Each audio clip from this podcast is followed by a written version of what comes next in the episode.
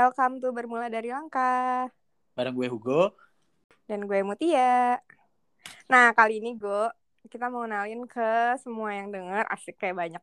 gue kita mau kenalin salah satu teman kita di SMA yang ngasih Uh, jadi singkat cerita namanya Barki, gue udah kenal dari kayak kelas 1 SMA, Hugo juga kenal, ya nggak gue, ya kan? Iya, pokoknya orangnya luar biasa ya. ya. Oh masa? Aduh. Udah muncul aja belum dikenalin nih orangnya. Oh, Oke. Oke Bar, silahkan boleh memperkenalkan diri kayak lo sekarang lagi kayak sibuknya apa gitu. Um, Oke, ya pokoknya gue Barki. Gue dulu temenan sama Hugo dan Mucia di SMA. Terus sekarang kesibukannya lagi lanjut studi di Amerika. Ngambil jurusan yang sama waktu gue S1, yaitu teknik mesin sih. Wis. Ayo Bar, nyanyi Bar. Nyanyi Bar. Di dalam mesin. Solidari. Please lah guys. Aduh. Gimana Bar? Tapi lo gimana Bar sekarang? Lagi lagi santai kah atau lagi ngalah lagi sibuk-sibuknya atau gimana Bar? Ya sekarang lagi summer sih, jadi kebetulan summer udah mau habis. Sisanya gue cuman nyantai. Persiapan buat Asik. semester depan. Ya, tapi seru nggak di sana? kalau bisa dibilang in a nutshell sih di US kehidupan daily life-nya tuh rada beda jauh sih. Ada enak dan enggaknya. Oh gitu. Satu mungkin yang enaknya tuh misalnya apa ya? free- Freedom of freedom of speech mungkin. Hmm. Terus inclusivity. Sedangkan mungkin kalau misalnya ngebandingin di uh, Indonesia hal-hal yang kayak gitu mungkin masih belum terlalu diomongin ya. Iya iya iya benar-benar. Tapi nggak kalau- enaknya nggak enaknya adalah Ah, nyari sambal susah, nyari nasi uduk, nasi kuning, iya. tempe Hmm. gitu-gitu susah. Masak dong. Bisa nggak lo? Masak, masak, masak. Oh, Tapi ya nggak enak, Muc. Kan gue bukan koki. Nggak bakal seenak gue makan di warteg Indonesia gitu misalnya. Oh, Oke, kalau kalau kalau di warteg koki ya berarti. Ya itu kan udah profesional, gue. Oh, Ilmunya iya. kan udah turun-menurun bergenerasi kalau warteg. benar-benar. Hmm. Eh BTW ngomong-ngomong tadi lo bilang kan kalau di sana kayak lebih ada freedom of speech. BTW kan gue udah kenal lo dari kela- kelas 10 Oke, gitu terus? kan. Lo tuh kayak Ah, eh, bebas banget tuh kayak eh, ngomong, bercanda dan lain-lain eh, kan. Lumayan absurd lah ya. Nah, terus gue Iya, gue kelas 10 emang absurd. Nah, Nah, lo kelas 11 Iya, kelas gue 11 kita sekelas. Iya, Kita kita sekelas sekelas lagi. kan. Nah, itu lo kenapa berubah drastis ya? Mohon maaf. Oh. Eh, ini pasti keluar tanahnya. Ini pasti keluar dan gue udah siap juga sih. Jawab. Lo udah mikirin selama seminggu ini kan Bar buat jawab ini kan. Tadi waktu sarapan gue pikirin Oh, sambil gue scroll pertanyaan. Pantesan lu telat masuknya. Gimana gimana? Hmm, ya, ya. Oke. Ya, jadi gue mungkin bisa bilang ya, salah satu hal yang huh, benar-benar merubah lah mungkin hidup gue. Itu waktu gue SMA pindah dari kelas 10 ke kelas 11 sih. Gue merasa dapet dapet beban, nggak tahu ya bukan beban, Asik. tanggung jawab, tanggung jawab yang keras kali ya. Jadi gue gue dan gue masih nggak tahu harus bersikap kayak apa gitu loh. Tanggung Jadi- jawab apa nih kalau boleh tahu? Oh, jadi gue waktu SMA itu sama Hugo juga gue jadi kita jadi sama-sama pengurus OSIS Oke. Oh. organisasi. Ya, Lo merasa Lo nggak inget, Go? terbebani karena lu nggak inget gue? Iya. lanjut lanjut Eh. Bar. Gua heeh. Ya, sebagian diri gue merasa itu beban berat sih. Nah, kebetulan gue jadinya tuh yang menurut gue nggak cocok lah, bukan nggak cocok apa ya? Karena itu bukan bukan jati diri gue mungkin. Soalnya gue Hmm, gue oke. gue ya gue in nature lebih pragmatis, lebih Lebih absurd maksud lo. Enggak lah. ya begitu jadi jadi karena itu gue jadi ya jadi bener-bener ah, berubah deh Mut.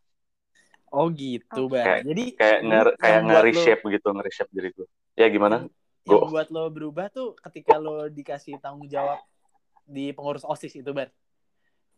iya betul Oh, I see. Eh, Bar. Lu- Tapi lo tuh lu nggak tahu gue selama ini Bar, tapi lo tuh berubahnya gue inget banget soalnya dari awal tuh lo udah kayak sebelum lo jadi PO gitu loh pas lo udah mulai LKS sih tapi LKS. kenapa Heeh, kenapa kan lo belum terpilih jadi PO apa lo udah pede banget gitu gue terpilih nih gue harus berubah gitu nggak hmm, gimana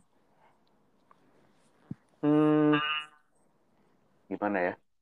bingung Dulu ya dulu kayaknya itu deh. Dulu dulu seinget gue mungkin kayak gue ini deh. Gue kayak hitung-hitungan deh. itu Kan kalau di SMA di SMA kita kan setiap ekskul ada sekian orang yang LKS kan. Oh.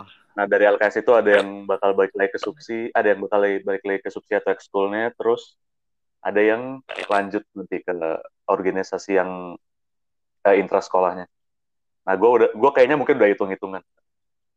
Oh, Hmm, Wah kalau wah kalau kalau pecinta alam ada sekian orang, berarti sini bakal ke sini ke situ ke situ. Berarti gue itu deh gue mikirnya. lo kandidat gitu ya Mungkin I see oke oke oke Oh. Tapi gue Tapi lo- dulu ingat apa? sih Bar. Nih pas yang pas kita masuk di LK pilih 18 Hah? itu kan kita kan dikasih pin itu ya, pin pin SMA itu kan. Jadi kayak setiap kita Iya. jalan tuh selalu ada pin kan dan semua guru tuh ngeliatin kita kalau kita tuh ya pengurus OSIS gitu, calon pengurus OSIS kan. Itu sebenarnya emang menurut gue agak beban sih ketika gue tuh pas zaman dulu juga Iya. gue sama Ovar kan ya takilan juga lah gitu kan kelas 11 kan Iya. terus kita sempet Hmm. kayak ya nggak ngerjain PR gitu terus dibawa-bawa tuh ya itu pinnya itu bahkan udah hampir mau dicabut pin sama guru. sama guru karena kayak ini kamu udah jadi kayak gini harusnya jadi contoh bla aduh gue sama Ovar udah oh Hmm. ya gue nggak tahu gitu banget lah sih berarti Oh gitu ya LKS. Gue bener-bener nggak nggak tahu banget sih dengan sibuk dengan ekskul sendiri. Hmm, oh Oke Bar. oke. Terus Bar, berarti dengan lo berubah itu eh sebenarnya emang lo berarti emang keinginan lo sendiri buat berubah gitu atau lo emang gak gara ada tekanan sampai lo akhirnya berubah jadi agak lebih kalem gitu mas atau itu pikiran lo sendiri gitu bar buat berubah Enggak, gue ngerti maksud gue. Maksud lo itu ada sesuatu momen yang bikin lo kayak anjir gue harus berubah atau kayak ya udah lo kepikiran aja gitu. Gue kayaknya harus berubah deh gitu. Yes Pas saat Ada pas saat pengalaman. awal itu pas saat awal itu gue ngerasa gue reactionary sih. Jadi gue Oh. proses perubahan gue itu reaksi, cuman lama-lama ya mungkin lama-lama ya mungkin setelah sebulan, dua bulan, tiga bulan gitu, Hmm. itu jadi apa ya jadi guide. Tapi pada akhirnya gue nggak gue nggak nyesel atau apa sih. Kalau misalnya gue nggak dapat pengalaman itu, terus gue jadi berubah dan belajar, gue mungkin nggak bakal bisa ngecapai hal-hal yang udah gue capai sekarang. Mungkin ya Asli. gue ngerasanya. Oke oke. Ya karena, Berarti karena sebelumnya memang gue terlalu apa ya, mungkin gue terlalu ya benar absurd kata lo Muc, mungkin. BTW gue inget banget Sumpah dulu tuh kelas 10 kayak asik banget Suka cerita-cerita Nyanyi-nyanyi Lo bahkan cerita tentang mantan lo banget Oh Terus kelas 11 kayak Kayak tiba-tiba libur Terus kayak gue masuk Terus kayak kenapa nih orang kayak gini? Gitu. Gue inget banget gue kayak mau bercanda Terus lo kayak dingin gitu. Terus gue kayak anjir kesambet apa nih orang? Terus gue kayak langsung ya udah aduh, aduh. Lo masih inget bercanda apa nggak?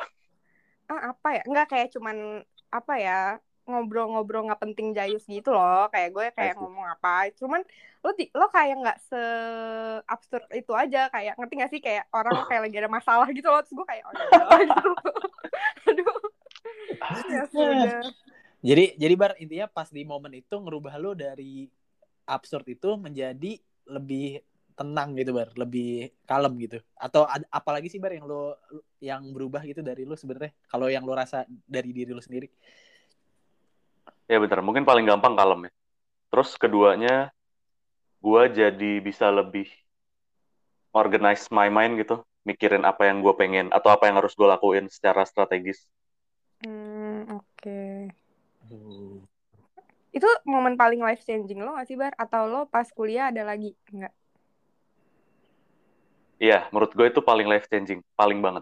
oh paling banget Soalnya Oh, kayak gitu. 180 derajat gitu dari sebelum momen itu sampai ke setelahnya itu bener-bener berubahnya jauh lah.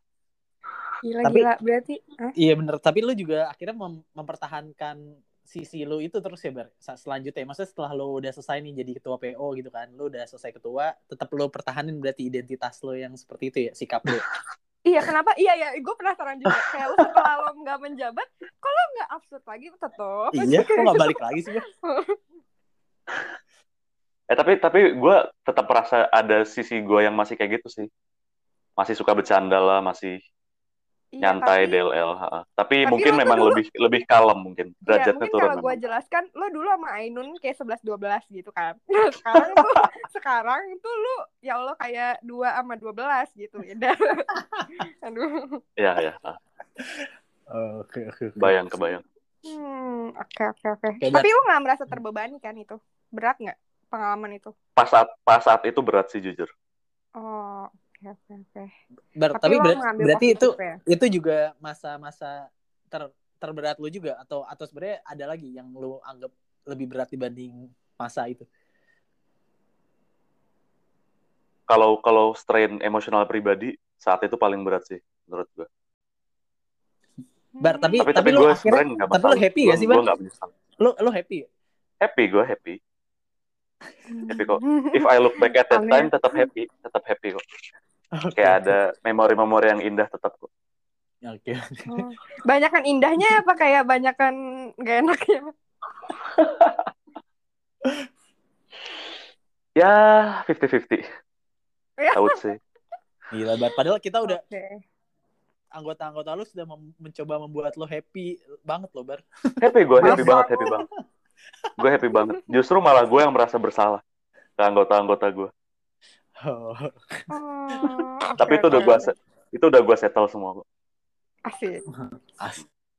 Oke, oke. Oke. Eh pas lo kuliah lo ada pengalaman-pengalaman unik kayak gitu juga gak Ber? Kebetulan gue langsung ini sih, Muc. Gue bener-bener eh, megang megang kemudi hidup gue dan gue bener-bener ngikutin apa yang gue pengen banget gitu loh. Jadi gue di Hmm. bengkel, di go-kart, di lab gue, Oh. Pun- oke oke. aktif di himpunan mahasiswa, gue juga ambil bagian-bagian yang soal teknikal. Karena memang gue nyadar gue Oh. uh, passion- pengen bangetnya ke situ sih. Hmm, Dan Oke. dan dan gue bisa tahu gitu juga karena itu karena pengalaman jadi osis itu. Gue jadi bisa lebih hmm. uh, tahu apa yang gue pengen gitu.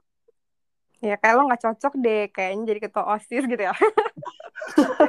Kayak gue gak cocok deh Lo, lo, bagian Bar, lo dulu dulu organisasi lo dan masuk- ngurus orang. lo dulu harusnya Oh, masuk tech sound, Bar. Masuk tech sound, masuk bagian mesin Betul. otomotif. Harusnya. Kok lo Bareng sama jadi gue. promosi tech sound gitu sih gue udah lewat Kalau promosi sih gue Iya, salah. Aduh. Oke, oke, oke. Next, next. Bar, Hmm? momen atau hal yang bikin lo happy gitu sebenarnya? Apa doing kayak semua permesinan? kayak nomor satu ke alam deh. Oh, Kalau gue lagi ke alam. ha. asik anak puas Nomor- sejati ya. Bye tech sound. Yuk, ya anak cita alam sejati. Asik. Aduh. Nomor dua, nomor dua baru gue, iya ngurusin mesin. Oh, Oke oke. Yes, oke. tapi tapi nggak kayak pursue hidup gue buat apa ya mungkin jadi I don't know maybe kayak wildlife photographer mungkin atau jadi Panji sang petualang gitu misalnya sang itu petualang. itu karena Asik. itu karena karena gue mungkin nggak bakal kuat juga sih yang kayak gitu Oh. secara- ha. secara fisik mungkin dan mental makanya Eh, gue pua berapa sih, Bar? Gue lupa deh. Pua tuh ada kayak nomornya gitu kan? ya jadi kalau pua pas masih zaman gue tuh masih diurutin dari pua 1 sampai pua terakhir itu sih katanya ini berdasarkan kekuatan fisik pas lagi Asik. pelatihan terus ke pengetahuan teknik sama kayak uh, apa ya kemampuan dia buat kayak ngegather si puapalanya si cita alamnya kemampuan Hmm. organisasional gitu-gitu ha interpersonal nah berapa? gua itu pua 4 kalau nggak salah Hmm. gue juga lupa. 4 kayaknya Ha. Cowok, cowok lu berapa, Mut? Eh, gue lupa. Aji dua apa satu Aji dua Aji dua Wih, Aji kan wakil kan? Asik. Kok dia keren ya? Setelah dia lihat. oh. Hmm. iya Aji dua Oke, oke, Bar. Kita kan dari tadi ngomongin nih bar tentang berarti kan yang ngediva apa ya yang ngebentuk lo itu berarti kan Iya. ya pas di osis itu benar-benar ngebentuk lo kan maksudnya membuat lo jadi berpikir lagi gitu kan terus kuliah lo ketemu passion Oke. lo gitu kan nah kalau lo sendiri sebenarnya udah ngedefine belum sih kayak kalau sukses buat lo tuh ke depannya tuh kayak gimana sih gitu Udah, more or less udah sih. Jadi kalau hidup gua bener-bener un- uneventful gitu loh.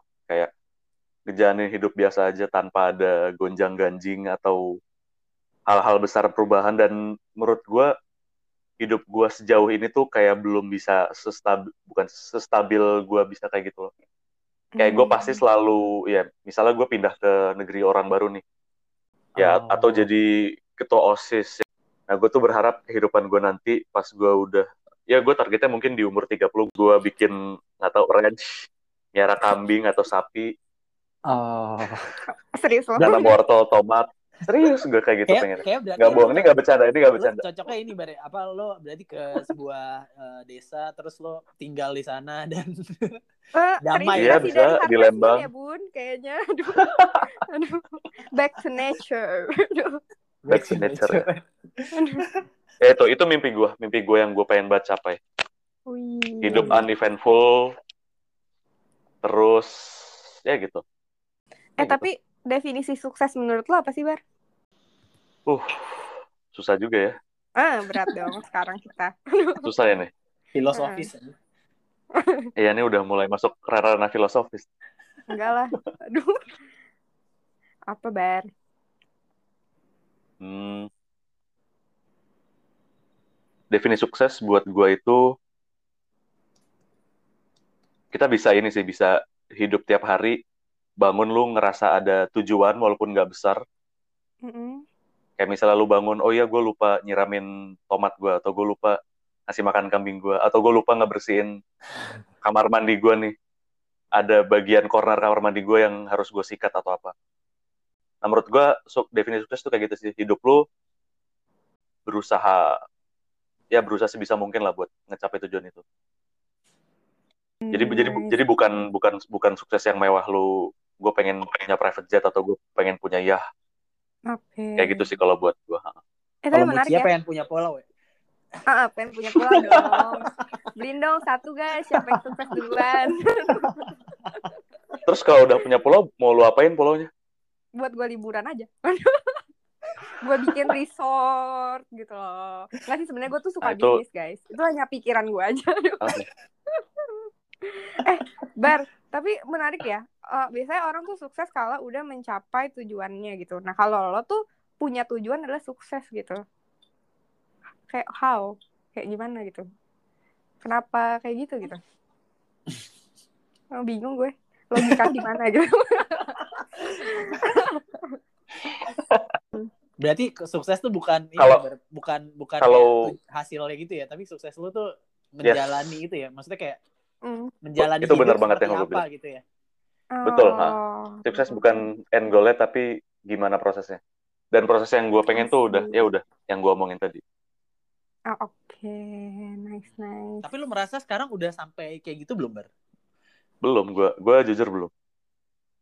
Tapi misalnya nih bar misalnya simple kayak mis- misalnya nih eh, kan kita setiap orang pasti punya tiap hari misalnya punya to do list gitu ya kayak to do list kita misalnya hari ini Mhm. mau ngapain gitu-gitu kan nah itu menurut Yes. lo cu- udah cukup belum bar buat yang tadi yang lo bilang berarti kan setiap orang punya tujuannya misalnya hari ini tujuannya harus mau ngapain mau ngapain gitu kan menurut lo itu udah cukup atau Mhm. belum atau ini atau lo lebih lagi dari itu ya lebih lagi dari itu kalau yang gue pengen Hmm. dan gue tetap Mhm. pengen balik ke Indonesia pengen tinggal di situ pengen mati di situ Hmm. dan dan itu itu ya itu belum bisa gue capai sekarang oke unfortunately Kayak lo apa? tadi kan yang punya kambing terus apa nanam-nanam gitu kan. ya nggak harus Maksudnya kambing lah hidup apa pun damai gitu loh mas gue. Yes, damai, yes, damai, tentram exactly, gitu yes. loh. Dan nggak banyak perubahan. nah itu nggak banyak perubahan itu. Iya iya iya. iya. Oh. sekarang Kayak gue masih lo- berubah terus. Iya lo udah udah reach di mana lo tuh udah di apa fase yang paling lo nyaman gitu kan. Hmm, eh tapi lo lima tahun lagi tuh gimana sih bar ngebayanginnya? Oh itu kan kayak mungkin nanti lima gitu tahun kali ke ya. depan Mm-mm. udah nikah gitu kan. Apa? Iya apa gitu lima tahun lagi lo bayangin apa sih? Jangan ketawa lu, Bar. lima tahun ke depan gue most likely masih belum ada di Indonesia sih Oh serius? Oh. Karena kayak gitu karena supaya gue bisa ngasih makan kambing tiap hari nanti gue harus kayak gitu dulu lima tahun ini dan gue nggak masalah juga Kayak kayak ngasih ngasih makan kambing tuh berat banget ya berarti. ya Allah. Iya, iya, iya. Filosofinya dapet gue berarti maksudnya. Filosofi lah. eh tapi gue ngob- ngobrol sama lo berdua di podcast ini jadi jadi kepikiran banyak loh Asik. Bener. Hmm. thank you Iya, abis, abis, abis ini kita bisa ngomong lagi berarti. Eh tapi kalau kita nggak podcast gini kita nggak tahu juga tuh tadi cerita Barki ya nggak sih? Hanya lo doang Iya, yang tahu nggak sih Bar? betul hanya gue yang tahu Asik. Asik. Berarti rahasia di balik sikap Barki terungkap gitu ya judulnya. Iya. rahasia di balik Barki, perubahan tahun Barki. gitu. Tapi bener sih kalau misalnya gue nggak ditanya atau kalau kayak nggak ngobrol apa between friends itu gue nggak nggak emang nggak bakal cerita yang kayak gini gitu loh. Asik. Berarti tercapai tujuan podcast kita, Mut ya. Iya dong. Oke oke oke. Aduh. Bar. Hmm? Eh, berarti lo dalam lima tahun nggak mau berkeluarga dong Bar? Kalau lo masih di sana, apa lo mau mencari Bar bukannya ada cewek Turki yang di sana, Bar? Atau cewek mana ya?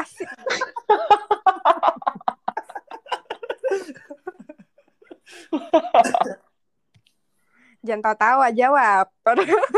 Ber- nggak mau berkeluarga dalam lima tahun ke depan. Lima tahun ke depan gue udah 30 tahun harusnya. Mm-mm. Mm-mm. Ya nggak Gua- apa-apa juga, nggak ada judgement Iya. di sini. Mak- Maksudnya gue gua nggak nggak nge-fix nggak harus gitu loh. Hmm, oke. Karena karena gue juga nggak tahu gue bakal gue jodohnya siapa gitu.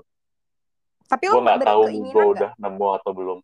Ya kalau misalnya jalannya dan gue bakal Oh, tahu jalannya atau enggak pas saat itu sih. Jujur gue Oh. gue nggak bakal bisa tahu sekarang. Oke, tapi kan lo Tap- eh, ant- enggak maksudnya pilihan tuh lo open terhadap itu atau enggak gitu loh. Kalau lo kayak masih aduh ntar dulu deh, ntar dulu kayak Hugo nih sekarang ntar dulu ntar dulu kan tetap aja jalannya gitu loh. Iya benar kalau Ya, ntar dulu ntar dulu nggak bakal ada jalannya. gitu. Benar benar benar benar kata gua- kalau misalnya ntar dulu dulu tet- nggak bakal ada jalannya sih. Gue iya, gue nah terbuka. itu lo gimana? Oh, gue terbuka. terbuka.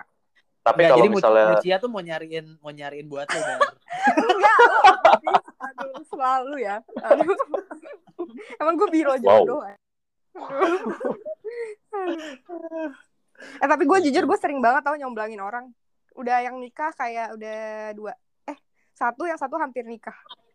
Gila gue. Wow. Udah ada Wow. rumah dong lo di surga ya. Udah punya dua.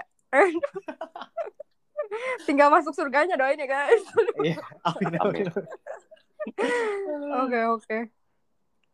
Terakhir terakhir gue gue terbuka kok gue terbuka kok sama Apa? yang opsi tadi itu. asik. Tapi ya mungkin tapi ya kalau misalnya mau tercapai, misalnya mau tercapai berkeluarga ya berarti gue harus usaha berarti harus usaha kayak mulai ngelihat keluar siapa yang potensial ya kayak gitu berarti. Oke kita kita ini kita bilang kita nggak bertanggung jawab Bebar kalau tentunya lu banyak yang chat atau banyak yang nanyain gitu ya. Ah, kan gue ternyata broadcast kan dicari. Dicari. Gue langsung ini judulnya ini Bar mencari jodoh. Eh, enggak, enggak. Gue tau judulnya Open Recruitment. Aduh. Oke oke. Eh, Oke Bar kita udah lumayan banyak nih obrolan kita ya Bar. Dan kayaknya gue lihat menurut gue ya hidup lo berarti dari SM, SMP ke SMA itu kan berarti ada perubahan besar. Terus SMA ke Yes. kuliah lu juga ngerasain ada perubahan besar. Nah sekarang lu kuliah ke ya lu ke US, berarti Hmm. kan ada perubahan lagi kan gitu. Jadi emang lu ngerasain ada perubahan-perubahan terus kan. Nah gue rasa kan tiap gitu. perubahan pasti punya pelajaran gitu lah atau apa yang di eh, lu dapet gitu kan. Nah, lu mungkin Hmm. bisa ya kalau ke kita nih apa pelajaran yang menurut lo ya paling berharga yang bisa lo sampaikan gitu buat orang-orang yang dengerin. Paling berharga di antara semuanya kan ya sepanjang Iya, benar. berapa 15 tahun itu berarti. Dua Iya. iya. benar. eh 10 tahun 15 tahun. Kadang-kadang orang tuh uh, in hindsight suka suka suka baru nyadar gitu loh. uh, Jadi kita kadang-kadang suka terlalu sering ngejalanin hidup tuh dalam autopilot menurut gue. Dan jadi karena karena dan itu entah karena alasan apa pun, entah karena alasan lu ada bener-bener goals yang pengen lu capai, dan itu Hmm. ngebikin kita banyak banyak ngelalain tugas kita atau hal-hal hal-hal yang lebih penting menurut gue dan menurut gue yang paling penting itu adalah hubungan interpersonal sama orang lain sih Asik. karena karena biasanya buat ngelewatin hal-hal berat itulah atau ngebantu lu untuk mencapai tujuan itu tuh yang bakal paling bisa ngebantu lu yaitu uh, supporting system lu keluarga teman dekat komunitas dan mereka juga harusnya bakal bisa selalu ngebantu lu lah buat jadi lebih baik atau ngasih hal positif ke hidup lu. Jadi pelajaran Nice. utamanya adalah uh, jangan jangan terlalu kacamata kuda mungkin ngejalanin hidup dan Oke. selalu ngerangkul orang-orang yang ada di samping lu di, dan di belakang lu dan di depan lu. Hmm. Asik. Kita kita, Emang kita termasuk ketua PO dirangkul ya, beda. Bang? Iya, rangkul rangkul virtual kok gue. Oh, Rangkul rangkul virtual. Eh kalau gue rangkul Dengan- gak kena aja ntar lo di eh, bacok sama Aji. Kan virtual, virtual kan Oh, nggak iya, kena. iya. Bener, bener, bener. Iya. Oke. Sebenarnya cara ngerang cara ngerangkul lo dengan bikin game semandel itu kan intinya, Bar. Salah satunya kayak gitu, ha. Salah satunya main games tuh ngerangkul. Asik. Waduh. Oke oke, nice banget sih. Eh terakhir ya Bar, kan gue udah kasih tahu Hmm. ya ada challenge nih di podcast kita. Oke. Nah jadi lo ngasih challenge buat gue Hugo dan yang dengerin podcast ini, yang di- buat Hmm. dilakuin kayak seminggu atau dua minggu ke depan lah. Ada nggak tuh Iya, Bar. kira-kira? Kalau misalnya Kalau kalau kalau misal challenge-nya nggak harus yang continuous, yang kayak one time thing, boleh nggak? Bisa nggak? Boleh banget.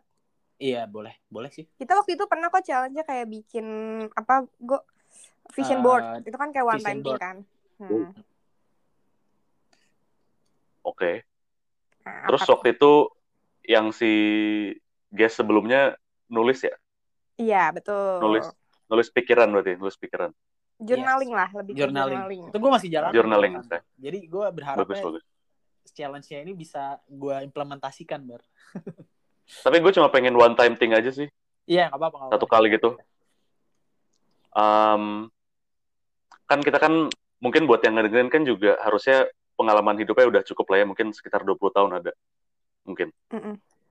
Dan harusnya kan selama 20 tahun itu ada orang yang mungkin pernah ngebantu lo atau mungkin lo pernah deket banget dan lo saling sama-sama saling ngeberikan nge- ngasih posi- hal positif ke masing-masing tapi entah karena keadaan entah karena waktu lo jadi lost contact kan Mm-mm. lo coba cari satu orang yang lo ngerasa kayak gitu Terus reach ke dia nah ya. itu dong iya catch up aja catch up Oke, cap tapi ya aja. gimana ya catch up aja entah lo mau nyapa teks doang atau kalau mau nelpon juga boleh terserah udah itu dong Oke, Oh, oke. Oke, oke. Berarti Nah. yang udah nggak udah nggak udah nggak ngobrol berarti kan, Bar? Bener-bener iya yang udah nggak ngobrol ah yang udah nggak ngobrol Oke. Hmm. Kayaknya terlalu banyak ya gue. ya pilih satu aja. Ya, Iya. Yang penting jangan Yang- mantan yang paling- eh, lu, Mut. eh, jangan dong. Gimana? Aduh. Nanti salah. Berarti lo juga jangan ya, Go. Ah, gue balikin ya.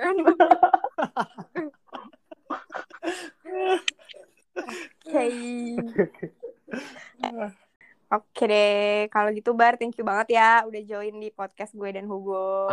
oke Iya, Thank you. Bar. Ini pagi-pagi ya di sana.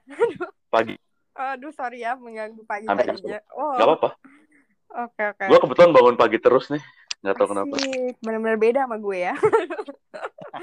Hmm, bukan morning person. Oke deh, kalau gitu thank you juga buat semuanya yang udah denger. See you next episode of Bermula dari Langkah, karena perubahan besar dimulai dari langkah kecil.